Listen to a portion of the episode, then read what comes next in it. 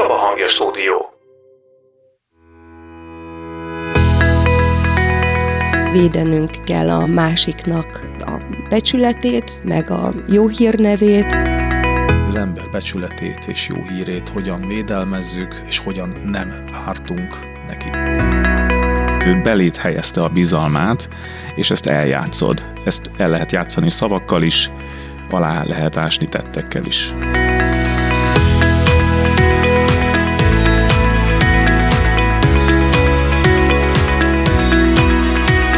Az internet világában már megszokhattuk, hogy az információkat jobb, ha kétszer is leellenőrizzük, mert túl könnyű terjeszteni a hamis üzenetet.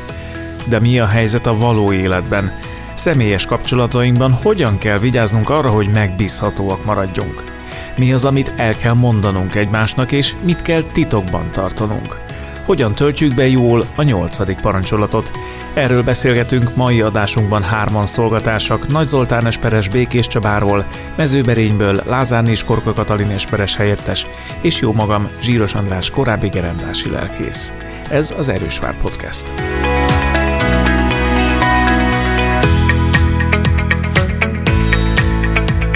Kedves idős házas pár, ismerősöm, és a néni nagyon aranyos volt, mert amikor három óra fele megérkeztem hozzájuk, akkor így rám nézett mindig, Katikám, egy kávét, jó lesz ez a kis illúzió is, és akkor tudod valami is kis három az Koffeinmentes vagy? Hát még nem ja, koffein, de három az egyben, vagy kis ilyen rikoré három az egyben, és akkor végül is, hogy legyen meg a, az a pillanat, tudod, hogy még kávézhatunk egyet aznap délután.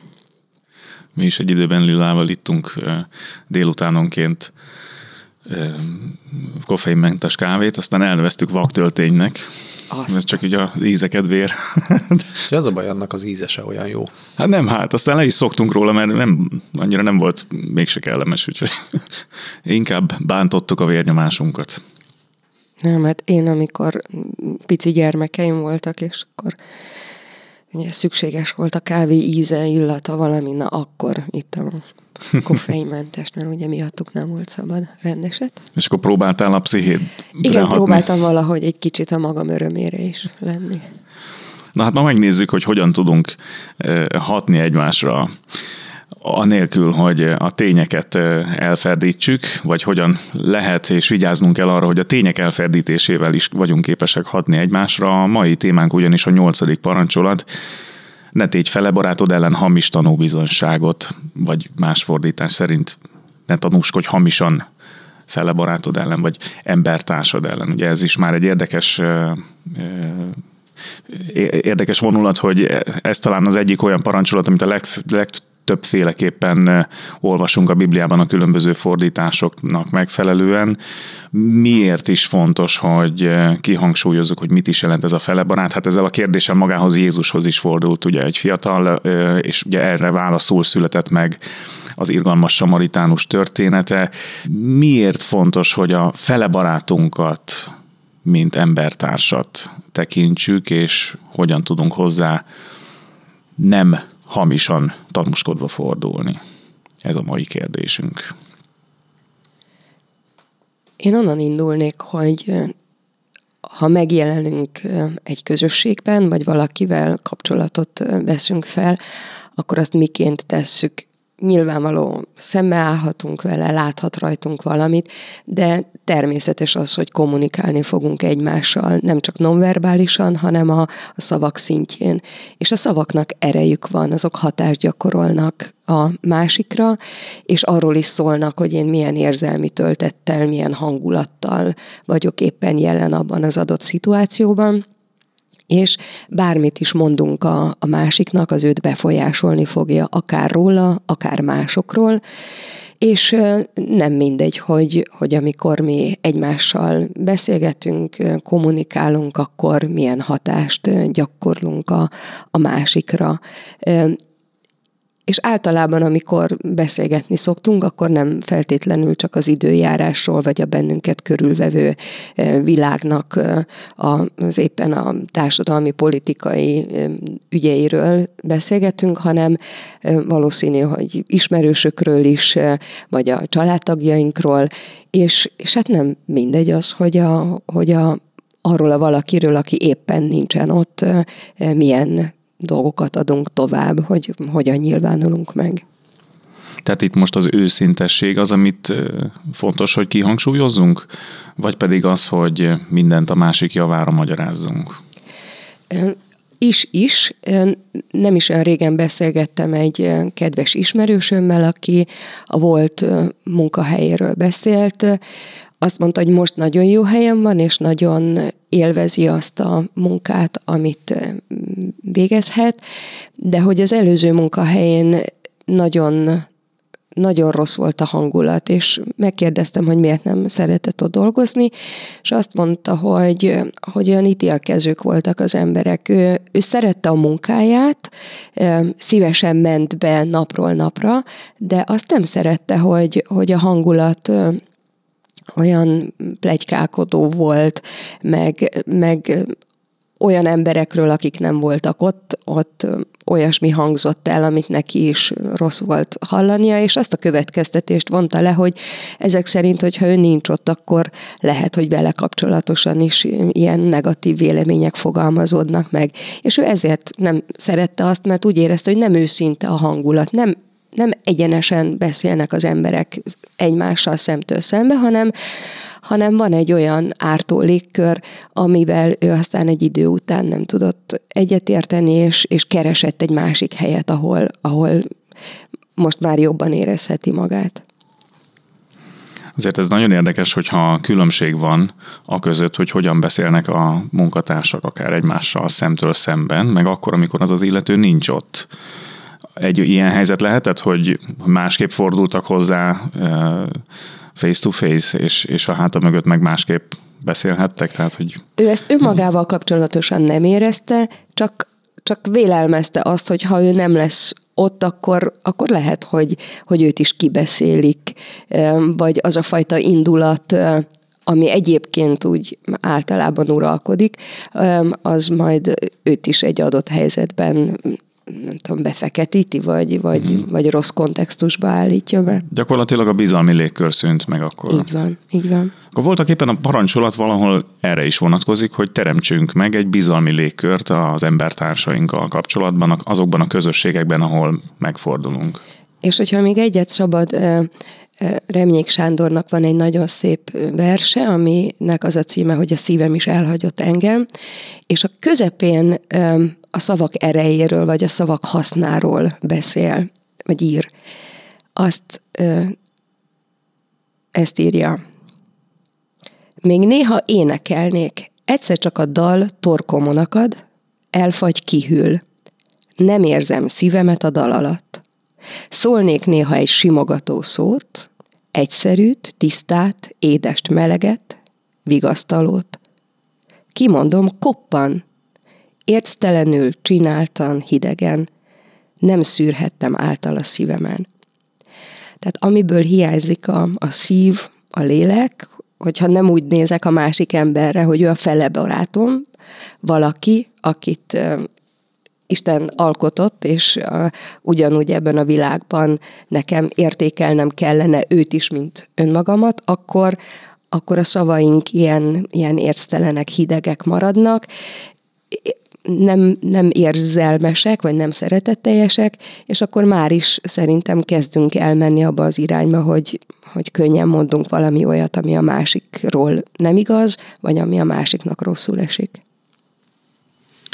A fele baráthoz talán annyit, anélkül, hogy itt belemennénk részletesen az irgalmas samritánus példázatának ismertetésével, bár az is hasznos lenne, eh, hogy a legegyszerűbben mégiscsak úgy tudjuk ezt lefordítani mai szavakra, hogy a másik ember. Hmm. Tulajdonképpen ez, ez a legtágabb és legegyértelműbb értelmezése. Tehát, hogy itt nem valami eh, kapcsolat minőségéből kiinduló eh, viszonyulásról van szó, hanem egész egyszerűen a másik ember, aki ott van előttem, aki rászorul a segítségemre, vagy akinek a segítségére én rászorulok. Ez az egyik, eh, és akkor már is segít értelmezni nekünk ezt a parancsolatot, hogy amikor azt mondja a tíz parancsolat, hogy ne tégy fele barátod ellen hamis tanúbizonyságot, akkor abban mindenki benne van. És Luther szépen vezeti föl a, a, a Nagy KT magyarázatában, ahogyan mindig, tehát az összefüggéseket láttatja, soha nem kiragadva beszél egy-egy parancsolatról, és azt mondja, hogy saját testünkön, hitvestársunkon és földi javainkon kívül van még egy kincsünk, becsületünk és jó hírünk. És ugye az egész parancsolat magyarázata tulajdonképpen e körül forog. A, a nagy KT-ban ugyanez nagyon eszenciálisan jelenik meg, hogy az ember becsületét és jó hírét hogyan védelmezzük, és hogyan nem ártunk neki. Igen, de az ember a saját becsületét is eljátszhatja, ugye? El, igen. Hogyha ha önmagáról hazudik, vagy megpróbálja akár önmagával kapcsolatosan manipulálni azokat, akikkel találkozik. Gyerekkorom jön elő, zongoraóra, és hát nyilván egy, egy általános iskolás gyerek, hozzám hasonló, akinek azért a szülei azt sem szerették, hogyha más utakon jár, más utcákon jön haza, hosszabbakat sétál a délutánok során, azért, azért mégiscsak kerestem én is, meg, meg szerintem kerestük azt a kis plusz időt, amit csak úgy magunkkal, vagy magunkért tölthetünk el, és ezek általában a, a külön órák előtti és utáni időszakok voltak. Ez a mikor érsz oda a zongora órára, vagy mikor jössz haza a zongora óráról, és miért késtél, vagy miért nem voltál ott időben, és ez nálam úgy működött, hogy én szeretem zongoraóra előtt még bemenni a, a papírírószerboltban, mert ott mindig volt valami kis illatos radír, vagy bármiféle olyan kis apróság, amit a kis nagymamától kapott pénzből lehetett vásárolni, és akkor hát volt, amikor 10 percet vagy negyed órát késtem a zongora óráról, és hát azt ti is tudjátok, hogy ezek ilyen félórás blokkok, ott hogyha az elejét lekésed, akkor valószínű már nem feltétlenül kell bemutatnod azt, hogy gyakoroltál-e otthon, vagy sem. Tehát ez így kezdett így halmozódni, hogy, hogy mit csináltál, vagy mit nem, és akkor mindig mondta, hogy jaj, hát az én órámon még csak ennyi van, tehát ez a, az óra elállítás története is benne volt, ez már hanyadik hazugság, amit oda sikerült rakni azon a délutánon, és, és azt hiszem, hogy az ember így játsz el a becsületét kicsiben, hogy már azt gondolom, hogy ezeket így meg lehet játszani, hogy, hogy mondhatom azt, hogy hát az én órám rosszul jár, ezért késtem, vagy de nem mertem vállalni azt, hogy nem gyakoroltam, és akkor hát akkor azért megyek inkább előbb a papírboltba, hogy, hogy már, már rám ne kerüljön úgy sor, meg ne akarjon olyan sok időt foglalkozni velem a zenetarárnő. Tehát ha, ha visszagondolok arra, hogy, hogy ez nálam már gyerekkoromban hogy, hogy mutatkozott meg, igen, a, a saját becsületemnek az értéke azt gondolom, hogy még nem volt ott bennem, illetve tudtam azt, hogy ez valami rossz, de, de nem vettem annyira komolyan, hogy, hogy a kimondott szavaimmal milyen hatást fogok gyakorolni, vagy észreveszik-e azt, hogy ez hazugság, vagy miért is gondoltam azt, hogy, hogy lehet, lehet másokat nagyon könnyen becsapni, vagy ők nem látják át azt, hogy, hogy én mit is akartam ezekkel elérni. És nagyon jól mutatja ez a történet, hogy nem pusztán a szavakkal lehet hazudni, hanem a tettekkel is. Én már hallottam olyan fordítást, vagy olyan magyarázatot erre a parancsolatra, ami azzal a szóval fogadta meg ennek a lényegét, hogy ne okoz csalódást hogyha számít rád valaki, és te akár késel 10 percet, vagy nem hozod el azt, amit megígértél, az ugyanolyan kvázi hazugság, csak éppen nem a szavakkal hazudtál, hanem a tetteddel, azzal ugyanúgy aláásod voltak éppen azt a tanú bizonságot fele barátod ellen, hogy őt belét helyezte a bizalmát, és ezt eljátszod. Ezt el lehet játszani szavakkal is, alá lehet ásni tettekkel is mindig egy nagy dilemma, hogy belemenjünk ebbe. Hogy ez a net egy fele barátod ellen hamis tanúbizonyságot, ez azt jelenti, hogy ne hazudj. De nem minden esetben jelenti azt. Szerintem. Tehát net egy hamis tanúbizonyságot, ugye itt azért Luther két irányban indul el, és az egyik, és élesen külön választja a kettőt. Az egyik az, amikor teljesen nyilvánvaló és, és, és nyilvános bűnt követett el valaki.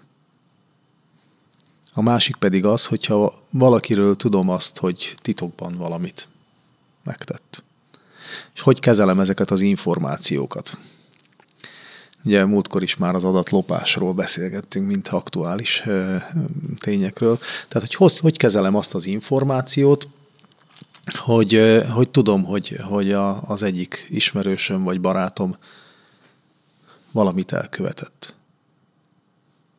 Most elkezdem ezt háztetőkről hirdetni, vagy az utcán folyamatosan arról beszélek, hogy ő egy tolvaj, mert tudom, hogy ő lopott el valamit, vagy, vagy, vagy, vagy máshogyan. Ugye? És mi, mi az, amikor teljesen nyilvánvaló, hát Luther nagyon szép példát hoz föl a, e, a, az akkori uralkodó egyháznak a, az írásait, hogy hát lám azok a bűnök egyértelműek, hiszen leírták, kiadták könyvben, azok ellen, azok ellen kell szólni, mert, mert azok annyira nyilvánvalóak és egyértelműek. De miért feketítenék be olyan embert, akiről nem biztos, hogy tudom, hogy hogy, hogy úgy tett, tehát egyrészt, hogy ha csak plegykából hallottam, hogy na hát itt ez meg ez történt, akkor én ne adjam tovább, főleg ne kiszínezve tovább a történetet, mert ugye általában ez történik. E, és e, a másik oldalon pedig, hogy ha tudok róla, de csak én tudok róla, akkor ahogyan Jézus is interre menjek oda, nincsen meg négy szem közt, ha nem hallgatott rám, akkor eh, menjek oda két másik testvéremmel. Nem is Jézus, ugye, hanem Jézus mondja? Igen, igen. Ez a testvériség a gyülekezetben, igen. Máté 18. Köszönöm igen. szépen. Szívesen. Jó, magam is összezavarodok ilyen korai órán. e, és, e, és ugye ennek a, a, az evangéliumi példának van ereje. És ugye azt írja Luther is, hogy még akár magad mellé is állíthatod azt az embert. Persze, nagyon ritka. De hogy hol jön ide, vagy hogy jön ide a ne hazudj. Ugye, tehát, hogy, hogy hol van az, amikor egy, egy háborús helyzetben egy hazugsággal valaki életeket tud megmenteni. Tehát hol, hol van az, hogy, hogy jön a katona és megkérdezi, hogy, hogy bújtatnak-e itt ellenséget, és simán rávágja valaki, hogy nem, miközben igen. Mert ő hazudott. De vajon kinek a javára lett volna az, hogyha elárulja? Persze, itt van három ember a sufniban elrejtve. Ugye? Tehát ez, ezek mindig a határhelyzetek. Ez az életvédelméről szól, és azért gondoljunk bele abba is, ami a mi kötelességünk, hogy megőrizni a lelki pásztori titkot. Bizonyos helyzet, nem az, hogy bizonyos helyzetekben. Tehát a mi feladatunk az, hogy, hogy valakiről, akiről sok mindent tudunk, bármilyen keresztűzben is állnánk, a kérdések keresztűzében, azt kell mondani, hogy nem tudom. És ezzel védem meg őt, az ő titkát, az ő életét, mert, mert ránk bízta, és nekünk ez kötelességünk, és hogyha ott vagyunk mondjuk egy olyan helyzetben, ahol nekünk tanúskodnunk kellene, ugye ott is van lehetőségünk a törvények szerint azt mondani, hogy lelkipásztori titoktartás miatt én most nem nyilatkozhatom.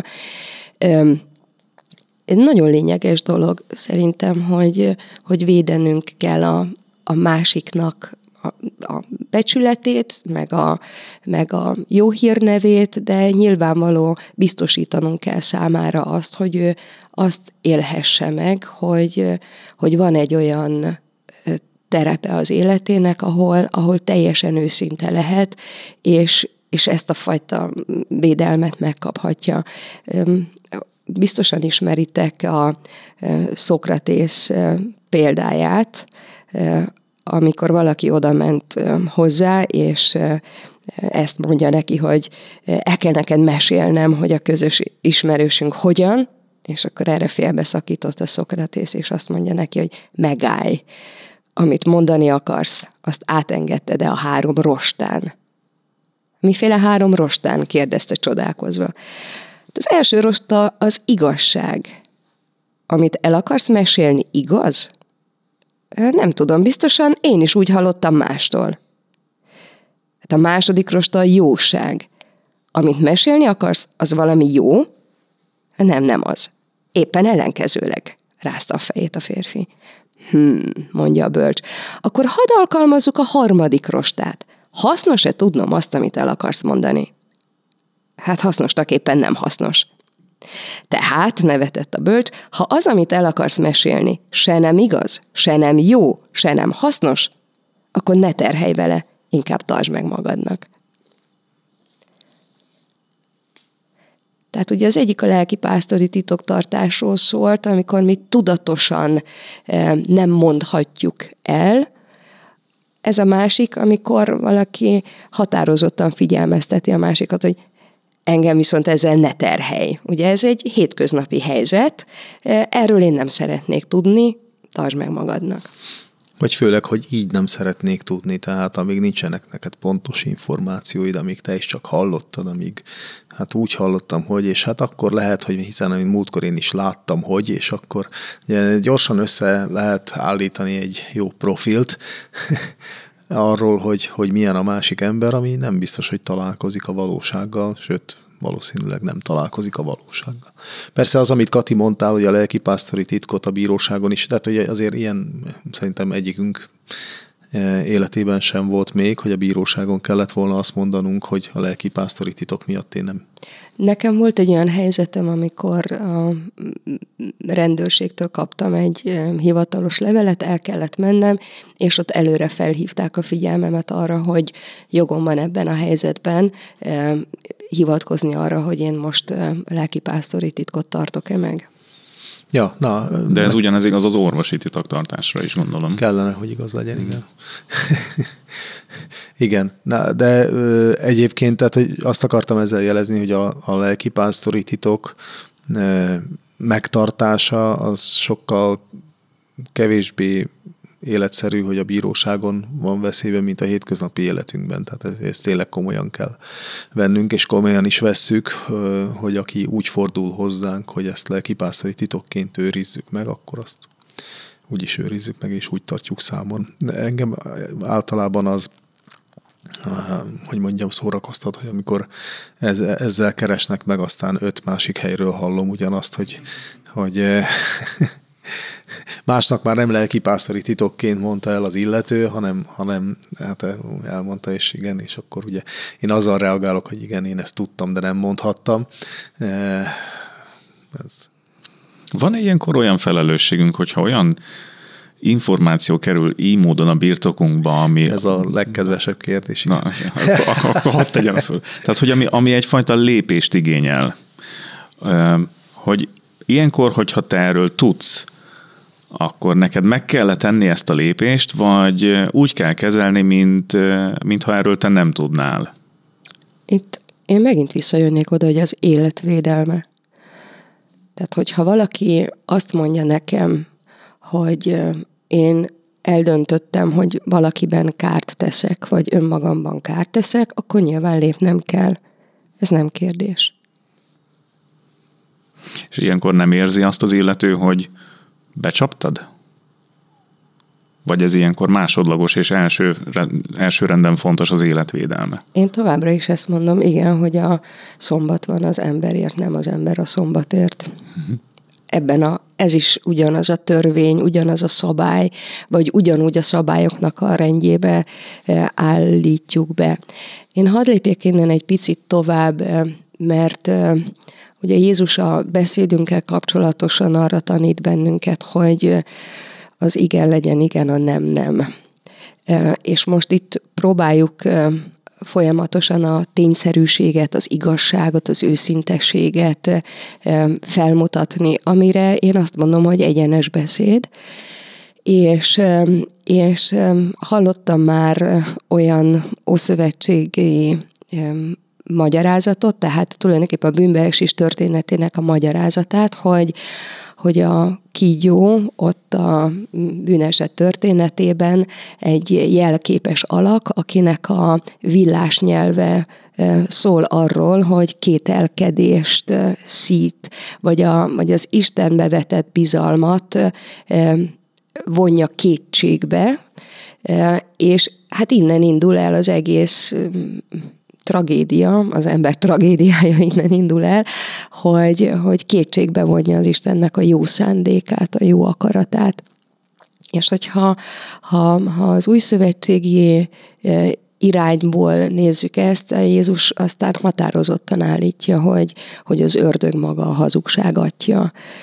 Nem csak ember gyilkos, hanem, hanem tulajdonképpen minden egyes ilyen Isten, Isten személyét, Isten jó akaratát kétségbevonó helyzet mögött ő áll ott, és ő szeretne bennünket a, a másik irányba elvinni. Tehát amikor, amikor azt tapasztaljuk, hogy, hogy az ember nem tud bízni az Istenbe, akkor ez azért van, mert hogy, hogy a gonosz áll a háttérbe, aki arra próbál bennünket vinni, hogy, hogy, a, hogy az Istennek a, a szeretetét, a, az Istennek a, a személyét mi, mi vonjuk kétségbe, kérdőjelezzük meg azt, ami az Isten irányából egyértelmű, viszont az ember nagyon szeretne mindent,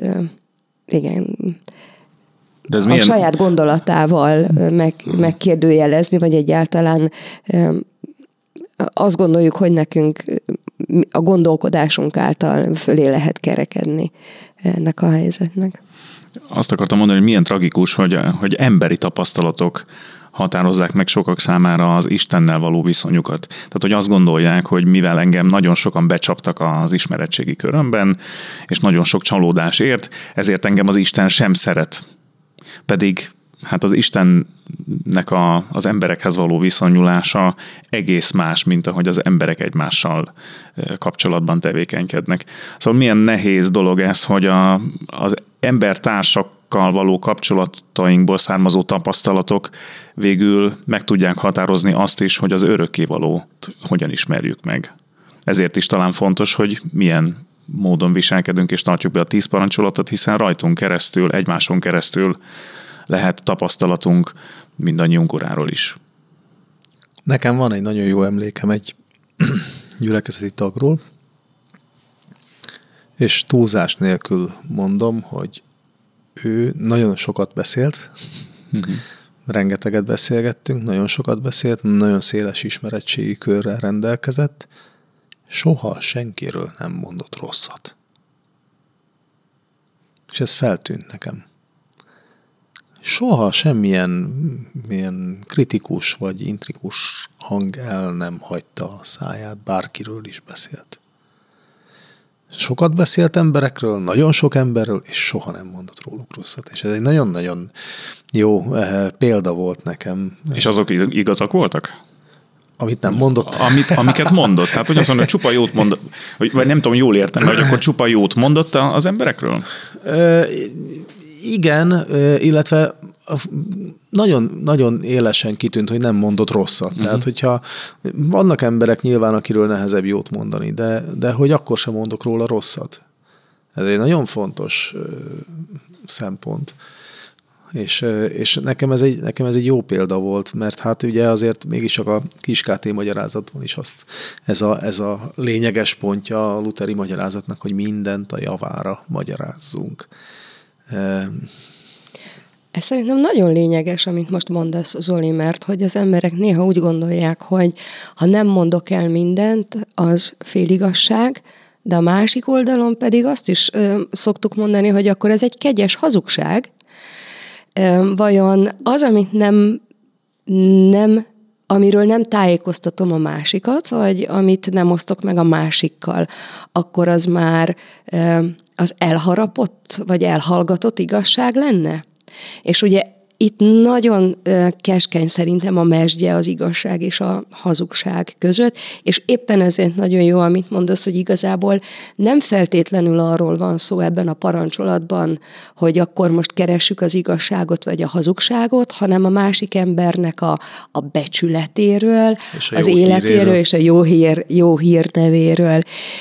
Amikor beszélgettünk egymással egy ilyen mm, lelkészi körben, akkor ugye ott is elhangzott az, hogy, hogy gyakran, hogyha nem szeretnék válaszolni valamire, azt mondom, hogy nem tudom. És rögtön előttem van az a, az új szövetségi történet, az a helyzet, amikor Jézust megkérdezik, hogy, hogy te milyen hatalommal cselekszed ezeket itt közöttünk. Ugye a farizeusok kíváncsiak arra, hogy, hogy ő akkor ténylegesen önmagáról mit mond. Elmondja-e, hogy ő a messiás egy az egyben, szól-e arról, hogy ő az Isten fia. Te mit mondasz magadról, ugye? Tulajdonképpen ez a kérdés. És akkor Jézus nem válaszol, hanem visszadobja a kérdést a farizeusoknak, és akkor megkérdezi, hogy Na szerintetek keresztelő János keresztsége az Istentől volt, vagy az emberektől? És akkor bevonódunk ebbe a beszélgetésbe, megtudjuk azt, hogy a farizósok egymás között hogyan tanakodnak. Hát, hogyha azt mondjuk, hogy az Istentől, akkor majd Jézus vissza fog kérdezni, hogy akkor miért nem hittetek neki. De hogyha azt mondjuk, hogy az emberektől, hát akkor a nép fel fog bojdulni, hát akkor ők tudták, hogy proféta volt, és akkor hát rájönnek arra, hogy itt nincs jó válasz.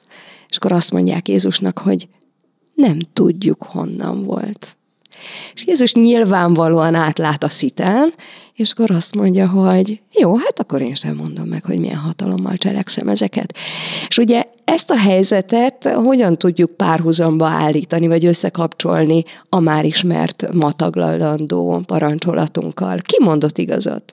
Vagy ki hazudott? Vagy ki mit állított ebben a, ebben a történetben?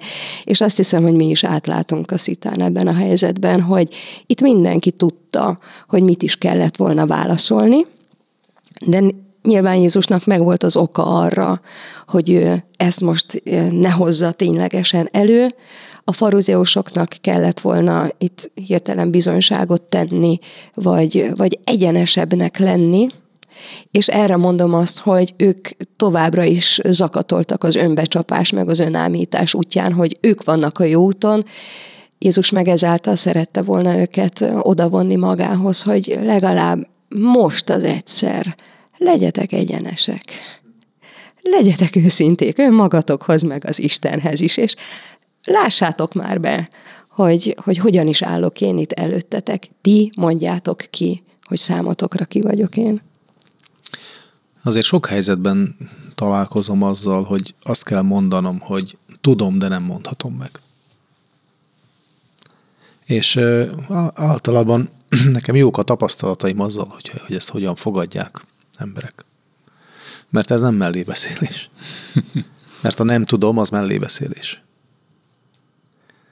De ugye számos olyan helyzet van, amikor az ember tudja, de, de akár gyónási titok terhe alatt tudja, vagy egy adott helyzet az ezt kívánja meg, hogy ez az információ még ne legyen nyilvános, akkor, akkor bizony ezzel a viselkedéssel kell élni az embernek, hogy én, én tudom, de most még nem mondhatom meg általában jó a fogadtatása. Nem, legritkábban találkozom azzal, hogy ilyenkor nekiállna ott engem valaki gyúrni, hogy na, de mégis, akkor, de, de, de akkor legalább valamit.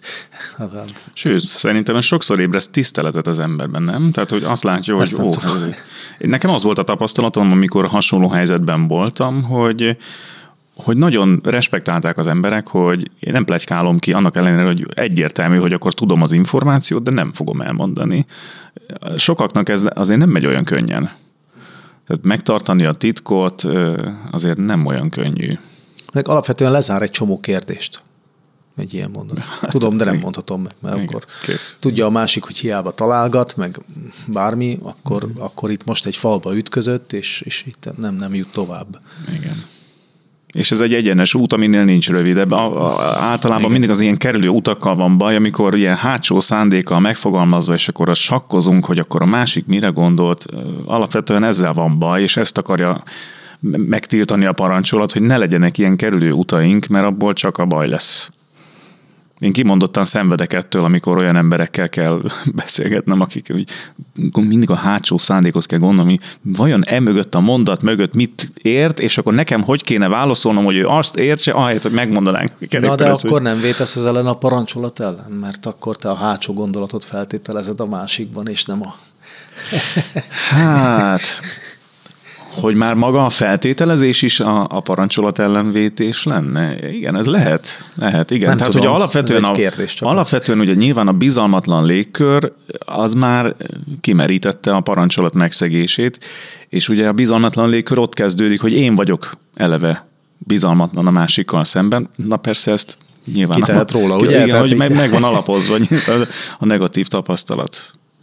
Na de az akkor vajon ennek az a, az ellentéte, vagy a, erre az a helyes válasz, hogy akkor ami a szívemen, az a számon, ez se biztos, hogy mindig üdvözítő megoldás. Nem, nem ezt mondja a parancsolat sem.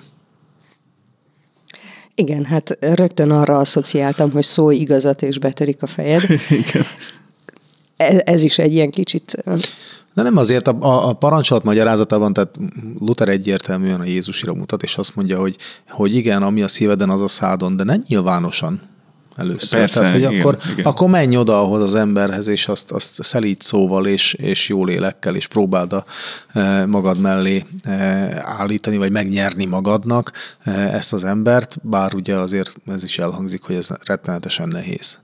Tehát ha már voltatok ilyen helyzetben, akkor azt tudhatjátok, hogy mennyire nehéz az, amikor odamész így egy emberhez négy szem közt, és elmondod neki, hogy ide figyelj, én ezt tudom, ezt nem így kellene, tehát így megnyerni magadnak valakit, Igen. hát nem tudom.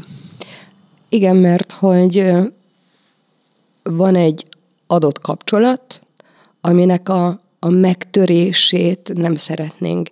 És úgy véljük, hogy ha mi most ennyire őszintén a, a negatív dolgokat feltárjuk, az megtörheti azt a kapcsolatot, amiért lehet, hogy sokáig küzdöttünk, vagy ami tényleg nem az ölünkbe pottyant, hanem, hanem valóságosan megdolgoztunk érte.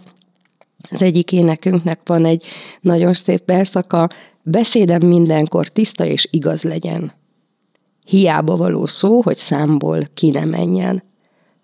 Ahol csak szólnom kell hűséggel másokért, szavamba adj erőt, szent lelked erejét. És hogy azt elérni, hogy a beszédünk mindenkor tiszta és igaz legyen, meg ne legyen benne hiába valóság, azt hiszem, hogy ez egy nagyon nagy feladat. Hát Jakab apostol is azt mondja, hogy hát azért a nyelv az nagyon kis pici testrészünk, de annál nagyobb károkat lehet vele okozni. Hát mi a szándék mögötte? Egy, egy őszinte szóval is lehet bántani, és egy kegyes hazugsággal, vagy, vagy nem, lehet, hogy ez nem is jó szó, inkább az udvariasság, vagy udvarias megfogalmazással, ami egy kicsit az igazság kendőbe burkolása is lehet védeni a másikat. Szóval nyilván attól függ, hogy mit hoz a helyzet. Van az a pillanat, amikor a a fiú a bemutatkozó estén a család, a, a lány családja körében ott meg kell, hogy dicsérje a levest, mert különben el van ásva a, a leendő anyóssal való viszonyát, hogy nyilván nem mondja meg, hogy hát, kedves Marika néni, ez bitangul sós, Hát, nyilván ilyen nincs. De hol van a határa az udvariasság és a, a kegyes hazugság még elfogadható szintjének, vagy egyáltalán van ennek elfogadható szintje? Hát a kegyes hazugság meg a, meg a javára magyarázás szerintem nem ugyanaz. Eleve szerintem a kegyes hazugság is egy, én, tehát ez a cél szentesíti az eszközt. Ebben én nem, nem, tehát ezt nem, nem, nem állíthatjuk be jónak. Persze, Hogy, persze. hogy most kegyes hazugság. Nyilván mindig Jó, hát az adott helyzettől függ. Igen. Igen, legfeljebb akkor nem dicsérem meg azt az elsózott levest, eh, és azt gondolja majd a mama az első találkozás után, hogy milyen udvariatlan ez a fiatal ember, de Igen, nyilvánvaló, hogy ezt a fajta kommunikációt azért tanítják is, hogy, hogy ne úgy induljon a beszélgetés, hogy te ilyen vagy, hanem az ember először is önmagára vonatkoztat bizonyos helyzetet, hogy én ezt így láttam, vagy így éreztem, vagy nekem ez rosszul esett, vagy veled kapcsolatosan én bennem ilyen érzések, vagy ilyen hangulatok alakultak ki, vagy, vagy ettől vagy attól szenvedtem. Tehát ugye azt mondják, hogy ez sokkal hatékonyabb, mint hogy azt rögtön a másiknak a, a bűnét, vagy a hiányát ráolvasni a fejére, mert hogy abból aztán nagyon hirtelen lesz egy, egy konfliktus vagy veszekedés. A, a kegyes hazugsággal kapcsolatosan pedig oda csatolnék vissza, amit mondtál, Zoli, hogy bújtatunk-e itt valakit, és ugye erre azt mondja, hogy nem. Lehet-e mondjuk egy, egy olyan helyzet, amiben az ember azt mondja, hogy hát igen, meg fogsz gyógyulni, és még hazajössz a kórházból, és mindenki tudja, hogy nem így van. Legfőképpen mondjuk az a végstádiumos rákos tudja, hogy én nagyon jól tudom, hogy már minden életerőm kiment belőlem, és, és, és én hiszem is azt, azt hiszem is azt, hogy Isten minden egyes embernek, aki már lassan a halál kapuja felé tart, azért megadja azt a, látást, vagy, vagy érzést, hogy neki, neki most már ki kell lépni ebből a világból. Ők sokkal tisztábban látnak a saját helyzetükkel kapcsolatosan, mint amennyire hihetetlenül reménykednének a körülöttük levő családtagok abban, hogy, hogy még haza lehet jönni a kórházból. Igen, de most itt akkor egy kicsit ellentmondásba keveredtünk ezzel a kegyes hazugsággal, mert ugye az életet mentő hazugság, akkor azt mondjuk, hogy mégiscsak mégiscsak működhet, de akkor lehet, hogy ott kellene valahol a választvonalat meghúznunk, hogy valaki ellen hazudunk, vagy valaki érdekében hazudunk? De én mondjuk az előző példát pont arra hoztam fel, hogy szerintem nem lehet e, itt ebben a helyzetben azt mondani a, a betegnek, hogy e, hát meg fogsz tudod, gyógyulni. meg fogsz gyógyulni, hanem, hanem ott az igazság értem, szavával de, azért igen. többet tudnánk érni. Ezt értem, de a másik példa, tehát hogy a, a, a bújtatott embereknek a, a megmentése, ez, ez akkor ott, ott, akkor ott az egyértelmű, de, de azért próbálom itt felfejteni, hogy akkor a katona ellen hazudunk, neki az akkor át nem árt, hogyha azt mondom, hogy igen, nincs itt senki, mint amennyit megmentek a Miközben egyébként azt mondjuk, hogy a cél szentesíti az eszközt, elvel nem értünk egyet. Na, ezt fejtsük hát, meg hát magunknak. Ezt a határhelyzetet. Igen, nyilván, tehát ezek nyilván, a... hogy... Pont tegnap láttam a Jézus és a Katona című epizódot Mezőmisinek a hitvalló sorozatából, és ott a tábori lelkész megkapja nyilvánvalóan azt a kérdést, hogy akkor egy keresztény katona mit tesz azzal a kérdéssel, hogy ne ölj. És olyan szépen mondja el a lelkész azt, hogy, hogy Isten a szíveket vizsgálja. Tehát, hogy mi, mi volt ott a szívében, hogy, hogy ott és akkor a, a, a szeretteinek a, a féltése e, volt annyira a, a, a szívében, hogy, hogy olyan lépéseket is megtesz, ami aztán egy emberi élet kioltásához vezet. De nyilvánvalóan tudni kell, hogy minden ember élet kioltásáért majd oda kell állni az ítélőszék előtt, elé. Tehát, hogy van két olyan, két olyan ö, igazság, amit, ö, amit nem, nem tudunk ö, egyszerre érvényesíteni. Nem, tehát van két olyan igazság, ami, ami, amiből mind a kettő egyszerre érvényes marad mert hogy a neői parancsolatot nem fogjuk feloldani, mert hogy én most katona vagyok, és ebben a hivatásban állok, akkor nekem szabad. Viszont, viszont nagyon arra helyezte a hangsúlyt, hogy Isten a szíveket vizsgálja, hogy akkor én most gyilkos indulat tudattal cselekedtem, vagy pedig, vagy pedig a féltő szeretet, kötelesség, tudat és a védelemnek a, a, az indulata volt bennem, és mondta, hogy, hogy mindezeket, amiről mi most beszélgetünk, csak modellezni tudjuk. Csak gondolkodni tudunk róla, de nem voltunk még abban a helyzetben, amikor ezt ne hogy Isten meg kellett volna tenni. Ez most csak ilyen zárójeles, hogy mit hogyan fejtsünk fel magunknak a törvények magyarázata kapcsán. Persze, de mennyiszer találkozol azzal a, az érvel, nem, hogy én csak jót akartam. Kezdjük. Tehát, hogy igen, kezdjük, persze, hát kezdünk bele. Belemelegedni. Régen vitatkoztunk egy jót Katival, úgyhogy épp itt az ideje. De, de ezek jók, ezek előrevívő viták. De te nem most ez magam Igen, de, számára de is. akkor mehetünk vissza ugyanerre a példára, amit én hoztam, hogy, hogy amikor a családtagok ott állnak a kórházban, ők csak jót akarnak, egy picit mentálisan jobb állapotba szeretnék hozni a, a, a családtagjukat, hogy legyen benne egy, csak egy szemernyivel több életked, vagy akarás, vagy reménység, és akkor ők a sajátjukból, hát hogyha majd át tudnak azáltal adni, hogy azt mondják neki, hogy már ez vár téged otthon, úgy tudod, hogy akkor majd folytathatod a kertet, meg ezt-azt, miközben a beteg már, már lehet, hogy a, az Isten által ö, egy olyan ö, lelki állapotban van, hogy ő most már lassan ö, az ebből az életből való elmenetelt ö, látja saját magának útként, igazságként, az Istentől kapott ö, mondhatnánk azt ilyen különleges módon, hogy az Istentől kapott kijelentésként, hogy neked most már gyermekem erre fele kell nézni, és rendezd a dolgaidat itt ebben a világban. Tehát ő már lehet, hogy inkább azt szeretné elrendezni, amit itt még nem bart el, bocsánatot kérni, bocsánatot adni, viszont ott áll mellette a családja, akik, akik nem akarnak erről tudomást venni, hogy, hogy nekik nem az a dolguk, hogy valahogy visszarángassák az életbe, hanem hogy elindítsák őt a, a mennyei hazafele, vagy, vagy ők is rendezzék a vele levő rendezetlen ügyeiket. Viszont ha ez a helyzet, akkor ott a családtagok nem a haldokló felé hazudnak, hanem saját maguknak.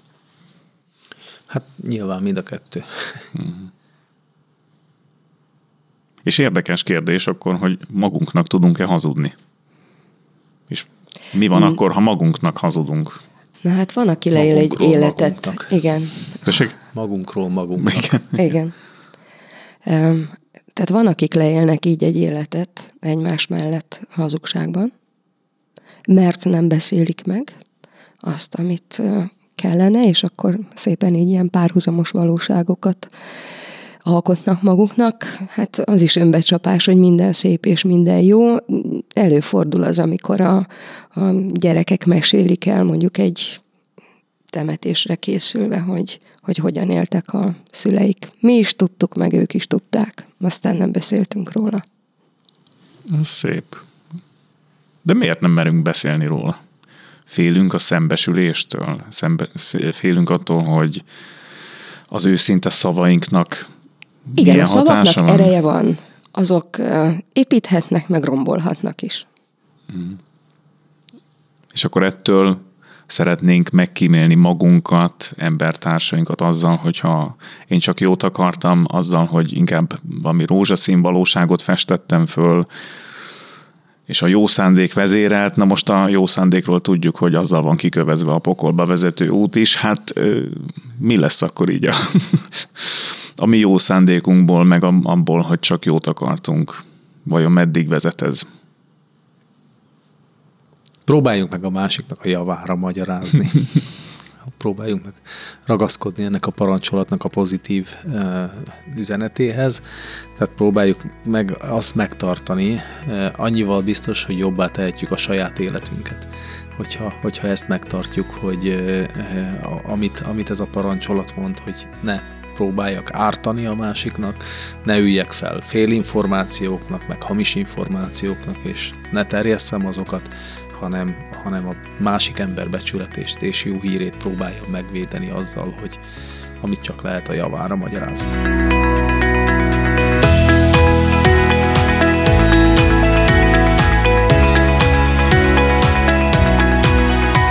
Volt az Erős Már Podcast.